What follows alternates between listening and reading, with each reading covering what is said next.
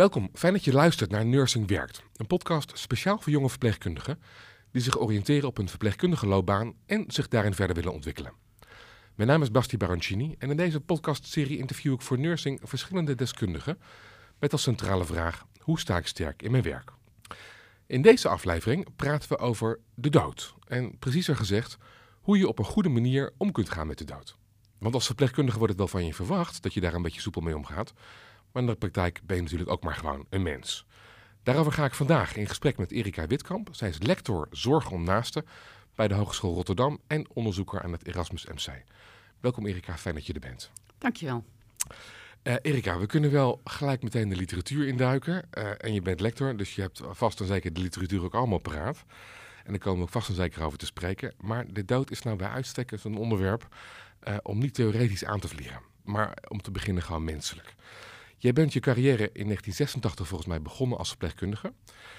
Wat was jouw eerste kennismaking met de dood? Mijn eerste bewuste kennismaking uh, was tijdens een stage. Waarin ik als uh, student nog op een uh, afdeling in het ziekenhuis uh, liep. Ik had de avond ervoor een gesprek met iemand die mij vertelde over zijn ervaring in de Vietnamoorlog. Dat vond ik eigenlijk heel indrukwekkend. En de volgende dag was hij er ineens niet meer. Hij was onverwachts overleden. En dat vond ik wel, uh, nou, dat is me altijd bijgebleven. Ik, ik heb dus hem niet dood gezien, maar het feit dat hij ineens was verdwenen is me heel erg bijgebleven. En bijgebleven, was het ook moeilijk? Nou, dat herinner ik me eigenlijk niet zo dat het moeilijk was. Ja, ik, ik vond het. Was het meer uh, een schok? Van het, het, was een schok. Het kan ja. echt ineens gebeuren. Ja. Is dat het? Ja, ja, ja. En een latere ervaring uh, als wijkverpleegkundige heb ik heel lang voor een uh, vrij jonge kankerpatiënt uh, gezorgd. Hij was bedlegerig geraakt door ehm, metastase in de ruggenwervel. Ehm, en hem heb ik echt tot het einde toe begeleid. Ja, en dat vond ik ook een, dat was een mooi proces, maar vond ik ook wel ingewikkeld. En toen hij was overleden, merkte ik ja, ik heb eigenlijk nooit leren afleggen. Ik weet eigenlijk niet hoe ik het lichaam van iemand die is overleden moet verzorgen. Ja. En in de wijk je er dan toch alleen voor. Dus... Mm -hmm. Dat is nog een heel technisch aspect ja. van de dood. Wat ja. deed het met jou zelf? Ja, ik was oprecht verdrietig. Ik had, had uh, deze meneer, zeker in de laatste fase, kwam ik er twee keer per dag. Uh, maar ik kwam al ruim een jaar bij hem. Ik kende zijn familie. Hij had me, uh, nou toch ook um, hele persoonlijke dingen toevertrouwd. Um, Hoe zag ja. het verdriet eruit bij jou? Nou, ik heb uh, oprecht gehuild. Uh, ik ben ook in dit geval s'avonds teruggegaan. Nou, ik kreeg een telefoontje dat hij was overleden. De huisarts was er toen ook. En zijn vrouw. Um, ja, en ik heb daar aan het bed afscheid genomen en met hen gehuild. Ja. Zaten er in deze eerste twee ervaringen, heb je het gewoon ondergaan? Of heb je daar voor jezelf ook, misschien klinkt het een beetje gek hoor, maar heb je er ook bijvoorbeeld verbeterpunten voor jezelf uitgehaald? Dat je dacht van, hmm, de volgende keer zou ik het graag uh, op een andere manier willen doen. Nou, ik denk dat ik in, in beide situaties ben aangelopen tegen het feit dat ik uh, toch een gebrek aan kennis en vaardigheden had in sommige opzichten. Um, Waar bijvoorbeeld? Nou, wat ik, wat ik zei, ik, achteraf denk ik van ja, had ik, ik, ik, misschien had ik dat sterven van die ene patiënt in het ziekenhuis wel zien aankomen. Ik hoor dat nu ook van studenten die mij zeggen dat het een sterven volkomen onverwachts is. Maar als zij de situatie beschrijven, dan denk ik, nou, ik had het wel zien aankomen. Misschien was dat toen ook wel zo, dat weet ik niet meer. Um, en, en nou ja, wat ik net zei over die patiënt uh, thuis, zeg maar, dan mis ik dan toch uh, de vaardigheden om dat allerlaatste stukje te doen. Um, en het verschil is dan ook wel dat je als verpleegkundige voel je toch een andere verantwoordelijkheid dan als leerling nog of als student. Want als verpleegkundige, in ieder geval heb ik dan zelf het idee, ja, ik moet het wel goed doen, ik wil het wel goed doen. Ja. Uh, en ik zal vast steken hebben laten vallen zo in die laatste periode hoor. Maar, uh, het goed doen, daar komen we zo direct ook nog wel ja. over te, over te ja. spreken. Dat is ja. een van de grotere fuck-ups in het werk natuurlijk. Ja. Uh, ja. Goed, straks hoor jij in deze podcast wat je kunt doen om de dood goed in de ogen te kunnen kijken. En vertellen we jou op welke manier je, al klinkt het misschien gek, ook voldoening kunt halen uit het begeleiden van mensen die sterven. Maar allereerst, Erika, wil ik jou voorstellen aan twee jonge verpleegkundigen, Maaike en Niels, werkzaam in Rotterdam en Assen, die we elke aflevering vragen naar hun ervaring met het onderwerp. Mike en Niels, hartelijk welkom. Hoi, Hey, Basti. Hallo. Hey, ik heb een vraag aan jullie. Eh, we hebben het al deze hele aflevering over, ja, hoe ga je eigenlijk om met de dood? En ik ben benieuwd, eh, hoe dichtbij is de dood in jullie werk? Eh, bij mij komt het best wel vaak voor. Cardiologieafdeling veel. eh, ik woon in, of ik werk in Drenthe. Daar is de populatie zijn vaak oudere patiënten. En eh, dus het komt wel eens voor. Ik vind het ook eigenlijk wel. eh, ik vind het zelf wel hele mooie zorg om te geven. Wat, vind, je, wat vind je er mooi aan?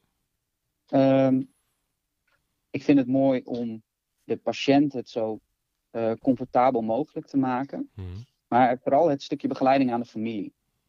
Helemaal nu je het wat vaker hebt gezien, weet je zelf ook wat, nou, wat kun je verwachten. Het ziet er vaak ook niet heel erg fris uit voor de familie, maar dat je ze daarin kan begeleiden en dat zij er ook met een zo goed mogelijk gevoel op kunnen terugkijken. Hoe is dat bij jou, Maaike? Ehm, nou, in mijn vorige baan was de dood eigenlijk wel heel erg dichtbij. Eh, daar had ik wel wekelijks casussen die overleden op de afdeling. Ehm, nu is de dood wat minder dichtbij, maar eh, wat Niels zegt, kan ik wel heel erg. eh, ja, dat, dat, dat is hetzelfde geweest bij mij als toen ik net een paar jaar geleden aan het werk was. Hoe, meer je, hoe vaker je het doet, hoe meer je eraan gewend raakt en hoe beter je dan weer andere studenten, andere verpleegkundigen en familieleden en patiënten erin kan begeleiden. Dat het ook iets heel moois kan hebben. Hoe kijk je terug op, Ja. eh, ja, hoe kijk je, terug op je eerste ervaring hierin? Ehm, mijn eerste ervaring met de dood was echt hels. Ehm, ik eh, vind de dood, zeg maar, zelf ook wel iets engs of zo. Het is ontastbaar. Eh, ik, ik zou heel graag een voltooid leven willen. En dat maakt dat ik dan ook de beste zorg wil geven aan de patiënt. Ehm, en de eerste ervaring die ik had was een patiënt die eh, ja, uiteindelijk is gestikt door haar tumor. En die op dat moment in mijn armen is gestorven. En dat vond ik echt heel heftig om mee te maken. Ook voor een eerste keer is het best wel pittig. eh. Ja, ja. En jij, Niels? Ja, ik, had, ik werd er heel mooi in, goed in begeleid. Het was mijn mijn allereerste stage in een verpleeghuis.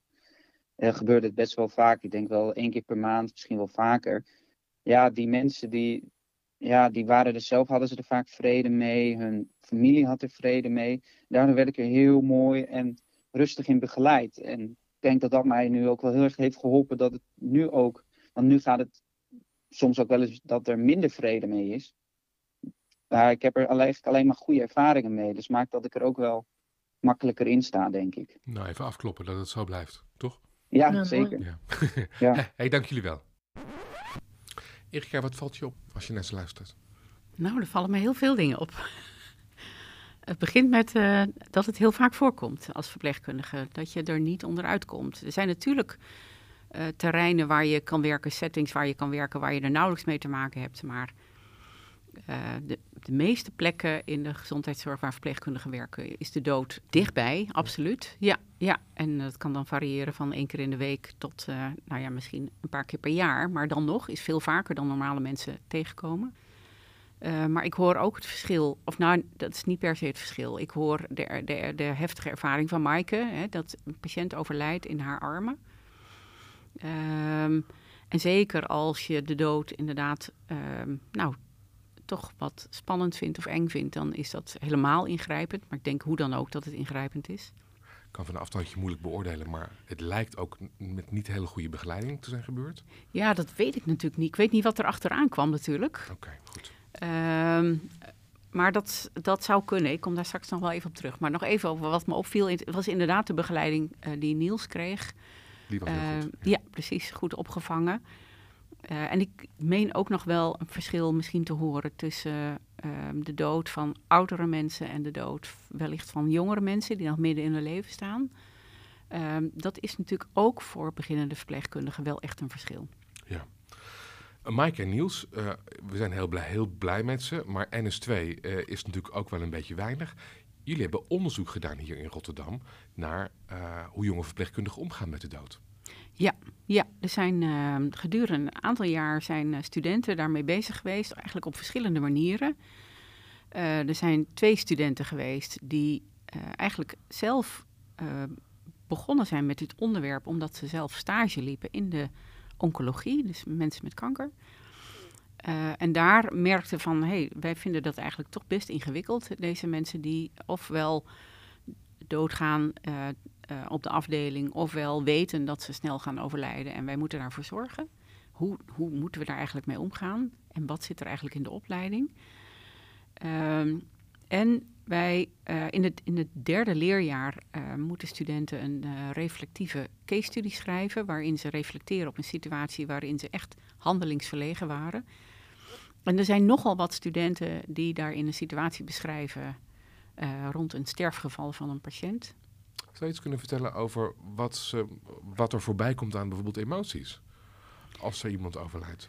Ja, dus eigenlijk uh, verschillende emoties. Je hebt positieve emoties. Dat zijn de emoties die, uh, die zijn vooral uh, dat je het gevoel hebt dat je het goed gedaan hebt. Dat je tevreden kan zijn. Dat je je daar ook wel toch een soort van gelukkig mee kan voelen. Dat je iets hebt kunnen bijdragen. Misschien iets van opluchting ook soms? Ja, dat zou ook nog kunnen. Ik ja. denk dat jonge verpleegkundigen dat nog niet altijd zullen ervaren. Ja, ligt aan de situatie natuurlijk. Okay. Um, en daar tegenover, zeg maar, in, in de balans heb je de wat meer, of de gevoelens die, die wat meer energie vragen, laat ik het zo zeggen. Ik wil ze niet per se negatief noemen, maar ja, dat zijn natuurlijk verdriet, angst, soms ook schuldgevoel, gevoel, um, machteloosheid. Ja, en ook wel boosheid. Soms zijn mensen ook echt boos op die rotziekte. Ja. Je vertelt over een balans tussen die twee emoties. Ja. Ik heb het rapport ook gelezen, wat je me hebt toegestuurd. Daar zat niet altijd die balans in verwerkt. Want ik las ook woorden als emotionele uitputting ja, en, en, en hogere uitval. Ja, ja. Dus die balans is er niet voor iedereen. Nee, die is er zeker niet voor iedereen. En ik denk dat die, dat kwam natuurlijk ook al in, uh, van Niels en Maaike naar voren. Uh, dat ze zeggen, naarmate je er meer ervaring in, in krijgt, wordt het wat makkelijker. Mm -hmm. uh, maar zeker in de beginfase, als je er nog niet zoveel kennis van hebt, Um, en ook niet zoveel ervaring mee hebt, dan gaat die balans vaak naar de negatieve kant, zeg maar, naar die kant die nou, energie. Wat kun je daar nou tegen doen? Ja, dan kan je. De, um, kijk, je kan niet meer ervaring hebben dan dat je hebt. Nee. Dat, is, dat is een punt, dat moet je langzamerhand opbouwen. Ouder worden, dat is sowieso een goed idee. Ja, maar wat, wat kun je nou verder doen? Ja, verder is het natuurlijk. Um, er zijn wel een aantal dingen die je kan doen. En um, dat kan te maken hebben met enerzijds uh, jezelf voorbereiden. Hè. We weten bijvoorbeeld dat studenten zeggen. En, en jonge verpleegkundigen zeggen van ja, ik had eigenlijk het dossier niet zo goed gelezen, daarom zag ik het niet aankomen. Um, maar uh, denk ik het allerbelangrijkste is um, bespreekbaar maken van wat je ervaart. En in het team uh, elkaar opvangen, oog hebben voor mensen die hier nog minder ervaring mee hebben of die hier last van hebben. Uh, en open mogen zijn over je emoties. Niet, het is stoer, je, je moet gewoon doorlopen. En voor het individu dus, trek aan de bel.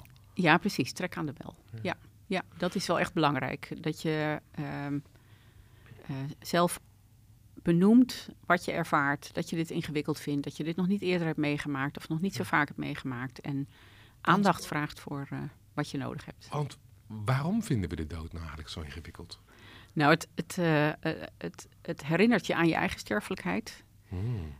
Um, maar je bent nog maar heel jong.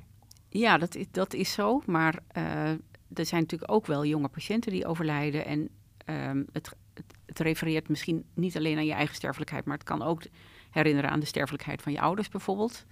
Jonge verpleegkundigen kunnen zich dan toch vaak identificeren met kinderen die naast het bed zitten, omdat een ouder, de ouder overlijdt. Dus het kan de, ook gewoon de eerste keer zijn dat zoiets raars binnenkomt. Ja, behalve een konijn misschien in het verleden of een, of een, ja. of een grootouder. Ja. ja, die ervaringen zijn wel heel verschillend. Want er zijn eigenlijk wel heel veel jonge mensen die al wel een keer een overlijden in hun eigen omgeving hebben mm -hmm. meegemaakt. Um, opa's, oma's, maar soms ook nog wel wat dichterbij. Uh, ouders, broers, zussen, vrienden. Als je het dan hebt over dat het zo refereert aan je eigen sterfelijkheid, hè?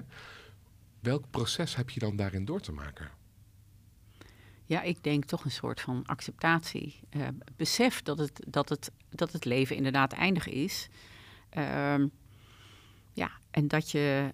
Uh, en voor acceptatie van de dood zijn geen handboeken volgens mij, hè? Dat nee, daar zijn geen handboeken voor. dat moet je nee, gewoon ergens... Dat moet je, dat moet je inderdaad... Uh, ja, dat, dat, ja, ik denk dat je dat kan leren. Maar je moet er wel, open voor, je moet er wel open voor staan.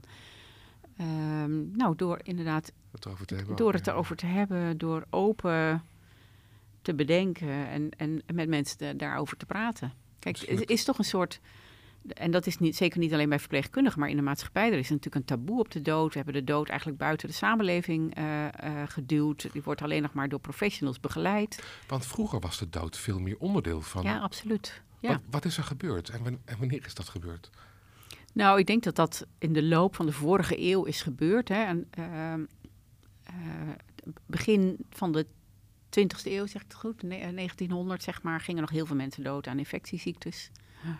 Ehm, en dat gebeurde natuurlijk allemaal thuis. Dat ging ook allemaal heel snel. Of relatief snel. Hè. Dat hebben we nu bij COVID natuurlijk ook gezien.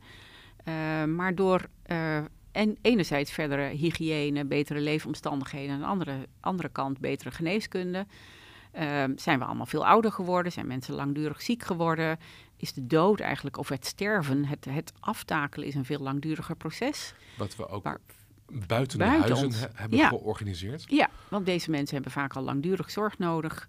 Eh, en dat hebben we inderdaad eh, dat hebben we aan, in de handen van professionals Ja, gelegd. dus vroeger was het sterven veel meer onderdeel van gewoon de samenleving. Ja. Nu in de handen van professionals. Ja. En laten we het daar nou, nou juist over hebben. Ja. Dus het komt ook veel meer op hun bordje terecht. Ja, precies. Dus, dus persoonlijke ervaring is veel minder. Eh, en, en in je werk moet je het dan dus inderdaad... Dubbel opdoen bijna. ja, precies. Ja. Ik vroeg je net, wat maakt de dood nou zo ingewikkeld om mee om te gaan?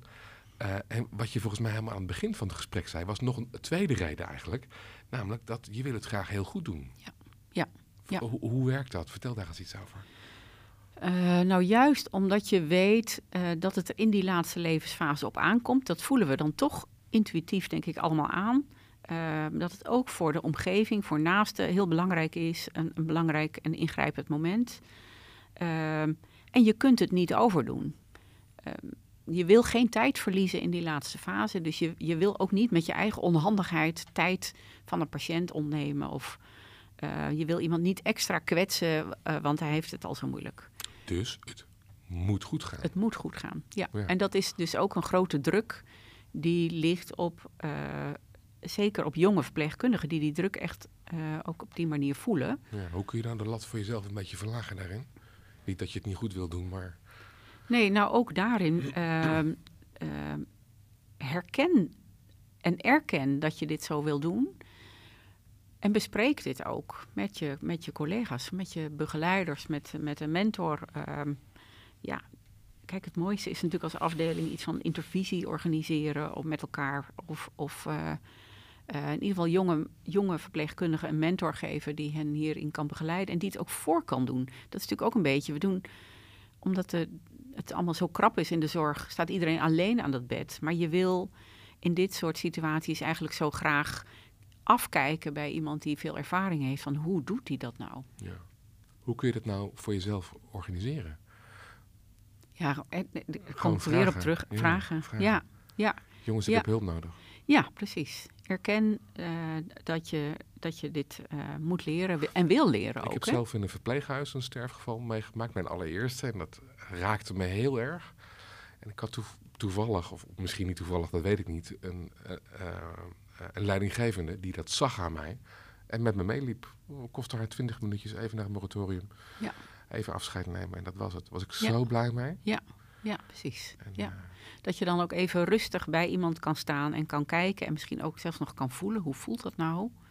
Als iemand dood is, als iemand koud wordt, als iemand stijf wordt. Ja, even iemand die daar met aandacht met me Ja. meeliep. Ja. was heel Ja. betekenisvol voor me. Ja.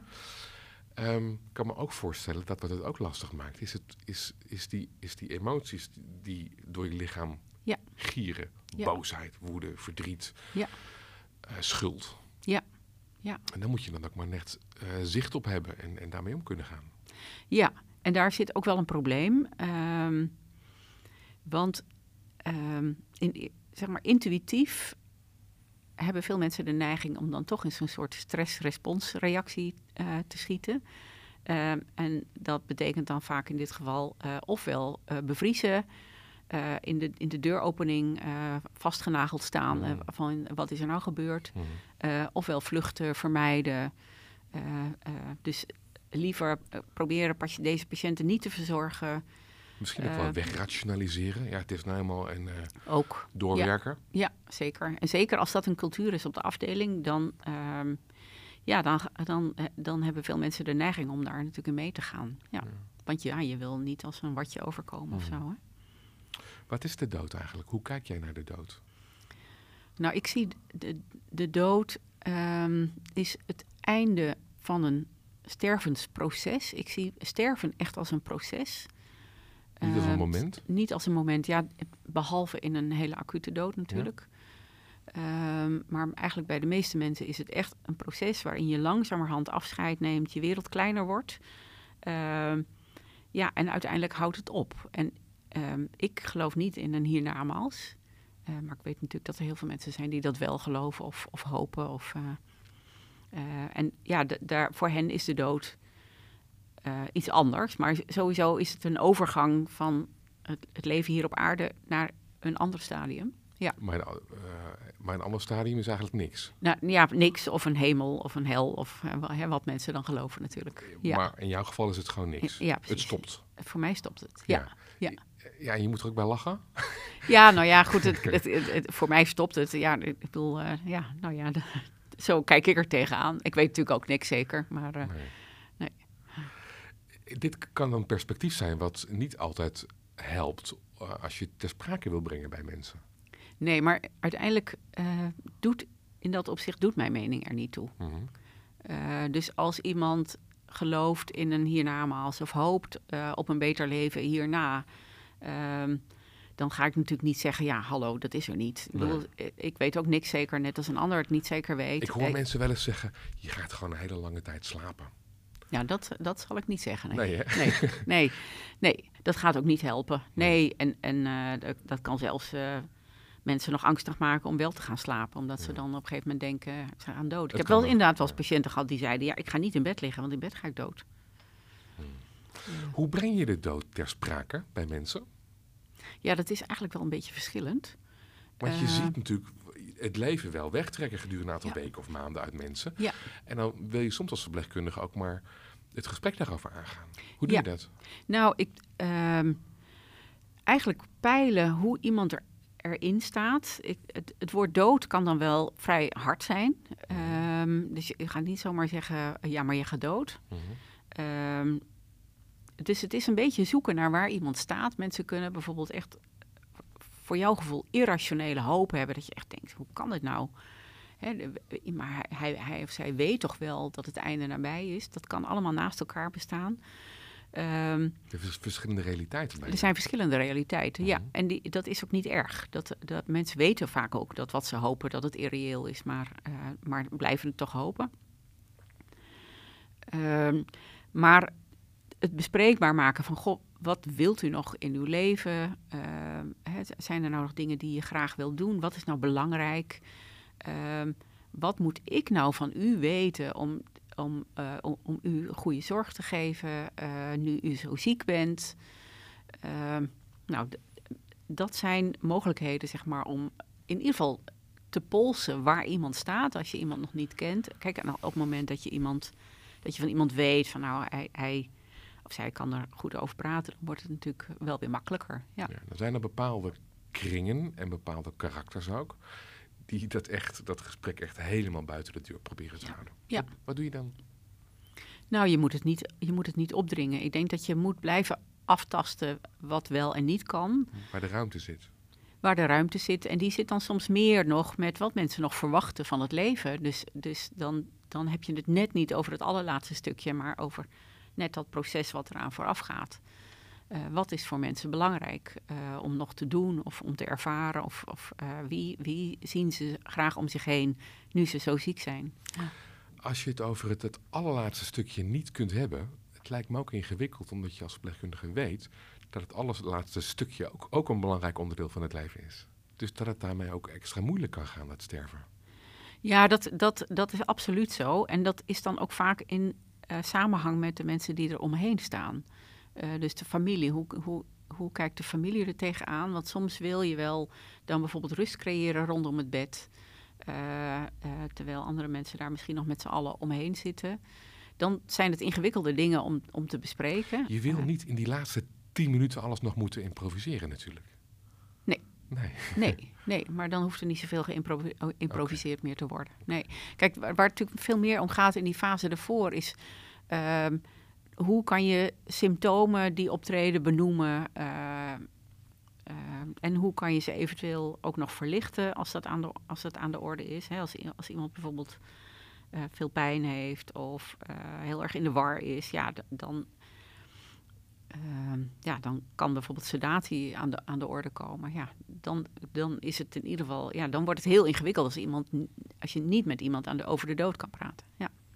Toen ik je een paar weken geleden belde met de vraag of je deze podcast zou willen komen vertellen. En ik vroeg je, wat moeten verpleegkundigen nou doen? Wat, wat, waar gaat het nou eigenlijk om? En toen zei je, resoluut, meteen, onmiddellijk, ze moeten de dood eh, in de ogen durven kijken. Ja. Dat klinkt heel mooi en nobel, maar het is best ingewikkeld. Hoe doe je zoiets? Ehm, ja, er niet omheen lopen. Hij is er. Eh, dus je, je, kan. Geen eh, uitstelgedrag. Nee, je kan van alles doen om te bedenken. eh, ik, ik doe net alsof hij er niet is, maar hij achtervolgt je toch. Dus kan je hem maar beter in de ogen kijken. Is Ja. het erg als je er nog even een paar jaar omheen loopt? Wat maakt het uit? Nou, dat ligt er dan aan waar je werkt. Want je doet, ik, ik denk op het moment dat je in een situatie werkt waar veel mensen overlijden, dan heb je een probleem. Dan kan je hem niet, dan kan je hem niet ontlopen. Dan doe je jezelf tekort en je doet patiënten tekort, dat geloof ik echt. Eh, maar dan kan je natuurlijk wel ergens anders gaan werken. Maar doe je jezelf tekort? Ehm, Dat je patiënten tekort doet, begrijp ik wel. Maar ja, nou, omdat je eh, dan een, een, als, als je op een afdeling werkt, bijvoorbeeld een afdeling als, als, als longziekte of neurologie of oncologie, waar toch eh, veel mensen komen te overlijden, ehm, dan kan je dus niet de zorg geven die je eigenlijk moet geven en die je ook wilt geven als verpleegkundige. Je wil nou eenmaal goede zorg leveren. Eh, want dat is wat ons allemaal drijft. Eh, ja, dan doe je dus ook jezelf tekort door weg te lopen eh, van een onderdeel, wat, ja, van toch wat een wezenlijk onderdeel is van je vak. waarmee helpen wij de stervenden als verpleegkundigen? Nog even los van alle technische. Ja, nabijheid. Ik denk dat dat het allerbelangrijkste is. Nabijheid. ehm, laten voelen dat je er voor iemand bent. Mhm. Eh, en dat kan in woorden, maar dat kan ook in gebaren. eh, dat kan ook zijn door gewoon naast het bed te, eh, te zitten, regelmatig even langs te komen. Iemand niet in de steek laten. Ehm, Als die bang is bijvoorbeeld. Of Al helemaal niet als iemand bang is. Ja, ja, ja. Ik heb in mijn, in mijn onderzoek naar kwaliteit van sterven, eh, dat vond ik heel verrassend zelf, ehm, zag ik in de resultaten van nabestaanden dat het, eh, patiënten worden vaak in het ziekenhuis vaak eh, ehm, op een kamer alleen gelegd. En dat, dat is over het algemeen vinden mensen dat heel erg fijn. Patiënten heb ik daar niet over kunnen bevragen, maar die waarderen natuurlijk vaak ook, maar zeker de familie. En sommige familieleden zeiden echt van nou, we konden in die kamer dan toch een beetje onze eigen sfeer creëren en, eh, en, en zelf nabij zijn. Ehm, en die verpleegkundigen die komen dan wel af en toe langs, maar anderen zeiden ja, die deur die was dicht. Ik voelde me eigenlijk heel eenzaam daar op die kamer. Ik vond het eigenlijk doodeng. Ehm, dus ja, dan kan je als verpleegkundige, is het, is het vooral heel erg belangrijk dat je afspraken maakt met naasten. Wat, hoe kan ik u het beste ondersteunen? Kan ik het beste alleen maar komen als u belt? Maar dit zijn weer de afspraken. Maar je noemde net nabij zijn. Dat is dus eigenlijk gewoon mens zijn. Ja, dat is, ja, precies. Ja, Mens zijn naast een ander mens Ja. wat sterft. Ja. Ja. Ja. Maar wat natuurlijk lastig is, is dat je als je eh, net een paar maanden op een afdeling werkt, in je eerste baan, je bent ook onzeker, je komt net van de opleiding af. Wat voor waarde kun je nou toevoegen aan iemand die eh, een heel leven achter de rug heeft? Want je mens zijn is zelf nog maar zo kort. Oh, maar dat, is, eh, dat speelt geen rol. Nee, dat geloof ik echt helemaal niet. Ehm, want ook in de laatste levensfase ehm, hechten mensen nog veel aan ehm, input van buitenaf, aan het leven, aan, aan het zien dat het leven doorgaat, ook al eh, zijn ze er zelf niet meer. Aan jeugdigheid? Ja, absoluut, absoluut. Ja? Ja, ja, zeker. Dus je mag ook gewoon nog vrouw. vrouw- Oh, absoluut. Ja? Ja? ik heb op de afdeling eh, eh, palliatieve zorg en symptoomcontrole gewerkt. Daar was ik unithoofd. En ik denk dat er geen afdeling is waar zo... Nou ja, er zijn natuurlijk wel meer afdelingen, maar er, er werd echt veel gelachen. Er was veel humor.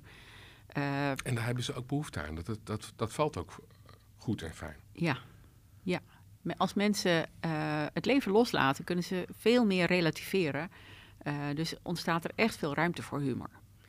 Het punt is natuurlijk dat je ook daarin echt wel moet aftasten wat iemand als humor ervaart en wat niet. Want je kan, niet, je kan dat niet bij iedereen doen. Dus, Snap ik. Maar jij hebt het over jeugdigheid, hè? Ja. Ik, eh, maar ja, maar, ja, maar kun je dan aan iemand die sterft gaan vertellen dat je lekker hebt gesport of dat, je, dat het dat buiten de zon schijnt? Dan kan iemand ook denken, ja, dat gaat voor mij niet meer gebeuren. ja, dat klopt. Of die jeugdige energie. Ja, ja. Maar daar Eh, kunnen ze ook schoonheid in vinden. Ja, absoluut, absoluut. Ik denk dat meer mensen de schoonheid in vinden. En, en natuurlijk zullen er mensen zijn die tot op het laatste echt moeite hebben om de dood te accepteren. Ehm, die zullen daar wel meer moeite mee hebben. Die zullen jaloers blijven tot op, tot op het eind. Jaloers. Terwijl Ja. er ook andere mensen zullen zijn die denken, Ja, het leven gaat door. Ga maar het lekker is- door. Ja, precies. geniet ervan. Geniet ervan, ja. ja. ja. Ik ben blij met, tenminste dat mag ik hopen, dat mensen dan zeggen ik ben blij met wat ik gehad heb. En geniet jij vooral van de dingen die nog voor je liggen. Ja. kun je er zelf ook voldoening uithalen? Of nee, laat ik het anders vragen. Op, op welke manier kun je er zelf voldoening uithalen aan het begeleiden van de stervende? Nou, ik denk eh, doordat je in die laatste fase nog eh, wezenlijk iets kunt toevoegen wat van belang is. Hè, namelijk zorgen dat iemand eh, comfortabel is. Dat is natuurlijk voor patiënten een onmogelijk woord, maar zelf gebruiken we dat dan wel in de zorg. Zorgen dat iemand zo min mogelijk lijdt in de weg daar naartoe.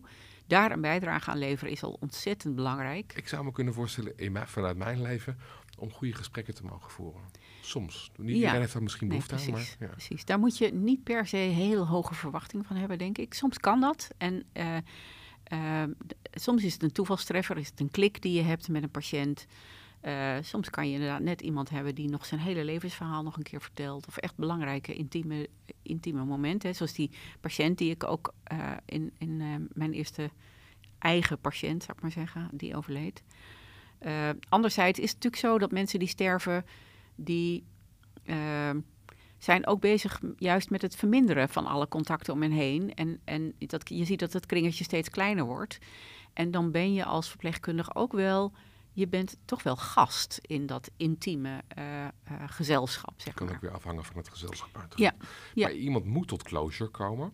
Niet alleen fysiek, hè, want het lichaam stopt er ook ergens een keer mee. Ja. Maar het is bij uitstek ook, en dan ga ik misschien een heel gevaarlijk woord gebruiken, als jij zegt dat het stopt. Het is ook een spirituele ervaring. Ja, zeker. En ja, kun je helpen met, als verpleegkundige met die reis van de, van de ziel, zeg maar? Ja, zeker. Alleen al door eh, met iemand in gesprek te gaan over eh, wat hem nou eh, geluk heeft gegeven in zijn leven. maar ook om te vragen hoe iemand aankijkt tegen wat hierna komt en daarin meegaan. Ja. ja. Kijk, voor sommige mensen is het, de dood ehm, ehm, een, een, een, een treedje op de ladder naar eh, een, een stapje dichter bij, eh, ja, ik, ik noem het maar de hemel, maar dat, dat is natuurlijk een, zeg maar een, een omstandigheid of paradijs, een omstandigheid waarin alles beter is. Ehm, ja, die kijken heel anders aan tegen de dood dan iemand bij wie misschien Ja. heel, net de dominee is langs geweest en eh, Ja, die heeft gezegd, eh, ja. ja. dat bestaat natuurlijk ook nog steeds. Die heeft gezegd, ja, er is niet voor iedereen plek, dus je moet maar afwachten of je, waar je terechtkomt. Ja, En er zijn ook mensen die het misschien eh, beschouwen als, nou, het is afgelopen. Hè, hè? ja precies. Ja, Ja. Dat kan ook nog. ja, dat kan een hè-hè zijn, maar dat kan ook zijn, ik vind het ontzettend jammer, maar het is wel afgelopen. Ja, ook een enorme rijkgeschakeerdheid aan. Ja. Ja. Aan Ja. hoe mensen dat beleven. Ja. Hm. Is het voor jou een, een, een, een, een, een zwaar onderwerp? Of kun je er ook nog elke dag van genieten? nou, genieten is misschien een beetje een ja. groot woord, maar ik, het is, voor mij, geen, het is Ja. voor mij geen zwaar onderwerp. Ik, als ik ermee geconfronteerd word, ben ik eigenlijk doorlopend aan het reflecteren, aan het voelen, wat doet dit, Eh, wat, wat, wat kan ik betekenen, waar moet ik afstand houden eh, en waar, eh, kan ik, waar, waar en hoe kan ik nabij zijn. Heb je nog één laatste tip? Voor jonge verpleegkundigen die, die, die ook maar een beetje voor de leeuwen geworpen worden. En die je ook maar gewoon moeten doen. Ja, ehm, zorg ook dat je genoeg kennis hebt. Want dat is ook een punt wat naar voren kwam uit ons onderzoek. Over ziektebeelden of over de dood? Waarover? Ja, nou eigenlijk allebei. Ehm, want ehm, je moet leren om het te zien aankomen. En daar heb je ook gewoon kennis voor nodig. Dat moet je leren omdat je daarmee minder overvallen wordt? Ja, en de, en de patiënt beter kunt begeleiden. Je wordt zelf minder overvallen, maar die patiënt wordt ook minder overvallen. En, en ehm, we zijn als verpleegkundige, en zeker in het begin van onze carrière, uh, erg geneigd om reactief uh, te handelen. Mhm. Dus te handelen op wat je ziet. Maar eigenlijk, uh, bij heel veel, in heel veel processen kan je zien aankomen wat er gaat gebeuren, of min of meer. En daar alerter op zijn. En zo kan je een patiënt beter begeleiden. Erika Witkamp, dankjewel. Graag gedaan. Uh, en jij ook, dankjewel voor het luisteren naar deze aflevering over de dood uit de podcastserie Nursing Werkt.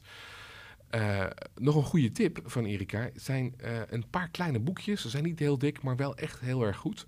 van Rob Bruntink. Ik heb er hier bijvoorbeeld eentje voor me. Ik weet niet wat ik zeggen moet. Een gids vol praktische tips. erg leuk om daar eens over door te lezen. En een linkje doen we ook in de show notes. Uh, wil je meer afleveringen luisteren? Abonneer je dan op deze podcast in je favoriete podcast-app of kijk op nursing.nl/slash podcasts. Nursing heeft verpleegkundigen trouwens nog veel meer te bieden. Ga voor nieuws, verdiepende vakinformatie en congressen naar nursing.nl.